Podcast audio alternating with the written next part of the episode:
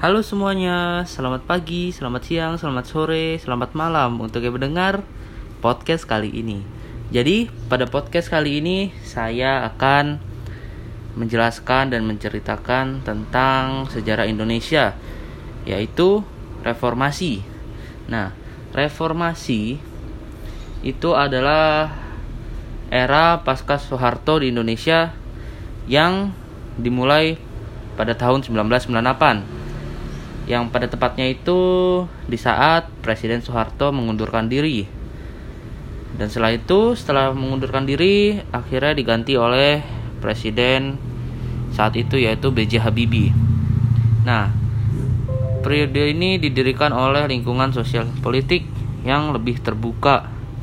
Isu-isu selama periode ini di antaranya dorongan untuk menerapkan demokrasi dan pemerintahan sipil yang lebih kuat Nah, jadi intinya reformasi itu eh, masa-masa di mana setelah Soeharto turun. Jadi entah presidennya B.J. Habibie, presidennya Abdurrahman Wahid, Megawati, terus ada Susilo Bambang Yudhoyono sama Jokowi.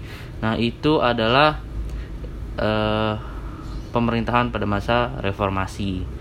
Nah, pertama di sini saya akan menjelaskan tentang kepresidenan B.J. Habibie secara singkat ya. Jadi eh, pada 1999 pemerintahan Habibie mengesahkan undang-undang partai politik yang mencabut pembatasan jumlah partai politik. Jadi dihapus tuh pembatasannya. Setelah itu Uh, kalau dulu pada masa Soeharto itu hanya tiga partai politik yang diperbolehkan. Nah, dan parpol juga tidak diwajibkan berideologi Pancasila. Setelah itu, hal ini mengakibatkan para partai politik bermunculan dan 48 di antaranya akan bersaing dalam pemilihan legislatif 1999 setelah mungkin percabut pencabutan tadi ya. Terus pada era Pak Habibie itu juga dilangsungkan pemilihan umum legislatif 99 yang merupakan pemilihan bebas pertama sejak pemilu legislatif 1955. Jadi lumayan lama ya. Pemilu ini diawasi oleh Komisi Pemilihan Umum, ada KPU-nya. Bukan komisi pemilihan yang diisi menteri-menteri pemerintah seperti yang terjadi pada masa Orde Baru. Setelah itu ada kepresidenan Abdurrahman Wahid pada 1999, Abdurrahman Wahid atau Gus Dur menjadi presiden Indonesia. Kabinet pertama yang diberi nama Kabinet Persatuan Nasional dan kabinet ini itu mewakili berbagai partai politik. Contohnya Partai Demokrasi Indonesia Perjuangan, Partai Kebangkitan Bangsa, Golkar, Partai Persatuan Pembangunan, Partai Amanat Nasional, dan Partai Keadilan. Perwakilan non partisan dan militer juga ditempatkan dalam kabinet. Setelah satu reformasi, administrasi negara yang dilakukan Gus Dur adalah penghapusan kementerian penerangan senjata utama Orde Baru untuk mengendalikan media dan pembubaran Kementerian Kesejahteraan yang telah menjadi korup pada masa Orde Baru. Selanjutnya ada kepresidenan Megawati. Nah, pada pemerintahan atau Presiden Megawati ini adalah presiden pertama yang seorang wanita dan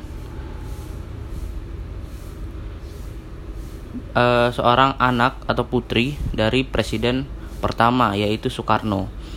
Setelah itu proses reformasi demokrasi yang dimulai pada periode Habibie dan Gus Dur telah terus berlanjut ya. Jadi apa yang uh, dilakukan oleh Gus Dur dan Habibie tetap dilanjutkan oleh Megawati meskipun berjalan lambat dan tidak menentu.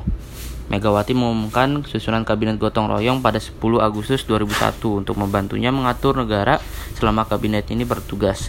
Megawati tidak pernah melakukan perombakan kabinet dan hanya mengangkat beberapa pelaksanaan tugas karena beberapa menteri mengundurkan diri sehubung dengan pencalonan mereka pada Pilpres 2004. Seperti itu. setelah itu ada kepresidenan SBY. Nah, pada kepresidenan SBY ini berlangsung pada 2004 pemilu pertama yang memilih pasangan presiden dan wakil presiden secara langsung. Pasangan Susilo Bambang Yudhoyono dan Yusuf Kala memenangi pemilu setelah melewati dua putaran pemilihan. Pada 21 Oktober 2004, SBY mengumumkan susunan Kabinet Indonesia Bersatu. Pada pemilu Presiden 2009, SBY terpilih untuk masa jabatan kedua bersama Budiono, mantan Gubernur Bank Indonesia. Mereka mengalahkan dua kandidat yaitu Megawati Soekarno Putri bersama Prabowo Subianto dan wakil presiden saat itu Yusuf Kala dan Wiranto. Pasangan SBY Budiono memenangkan pemilu dengan lebih dari 60% suara nasional pada putaran pertama. Mereka lalu mengumumkan susunan kabinet Indonesia Bersatu kedua pada 21 Oktober 2009. Nah, kali ini adalah presiden terakhir ya presiden paling sekarang ya paling paling baru pada masa reformasi itu adalah Presiden Joko Widodo yang masih menjabat sampai saat ini berlangsungnya podcast ini. Jadi eh, pada masa pemilu Presiden 2014 Joko Widodo bersama dengan Yusuf Kala yaitu Yusuf Kala berarti calonkan wakil presiden lagi ya mengalahkan Prabowo Subianto dan Hatta Rajasa. Jokowi adalah presiden pertama tanpa latar belakang politik atau militer yang tinggi. Dalam kampanye pemilu 2014, Jokowi berjanji akan meningkatkan pertumbuhan PDB hingga 7% dan mengakhiri kebijakan bagi-bagi kursi memberikan jabatan pemerintah pada koalisi politiknya. Jadi e, mengakhiri lah bagi-bagi kursi itu. Bagi-bagi jabatan lah istilahnya. Meski janji tersebut belum terpenuhi, pada masa pemerintahannya rupiah mencapai rekor terendah dalam 20 tahun terakhir. Karena mungkin karena pernah nyentuh 15 ribu ya. Pada 17 April 2019, Indonesia mengadakan pemilihan umum serentak. Untuk pertama kalinya, pemilihan dilakukan terhadap presiden dan wakil presiden serta anggota DPR, DPD, dan DPRD secara bersamaan. Pemilu ini digambarkan digambarkan sebagai salah satu pemungutan suara satu hari paling rumit dalam sejarah global. Setelah itu, pemilu ini diikuti oleh protes dan kerusuhan di bulan Mei yang mengakibatkan setidaknya 8 pengunjuk rasa tewas. Pada 16 Agustus 2019, 43 pelajar Papua di Surabaya, Jawa Timur ditangkap oleh polisi setelah adanya laporan bahwa bendera Indonesia dirusak di luar gedung tempat mereka tinggal, yang menyebabkan protes di Papua dan bagian lain Indonesia. Serangkaian demonstrasi massa yang dipimpin oleh mahasiswa terjadi kota-kota besar Indonesia pada September 2019 untuk memprotes undang-undang baru yang mengurangi kewenangan Komisi Pemberantasan Korupsi serta beberapa RUU lainnya. Protes tersebut kemudian berkembang menjadi gerakan mahasiswa terbesar di Indonesia sejak demonstrasi tahun 1998. Jadi lumayan jauh ya.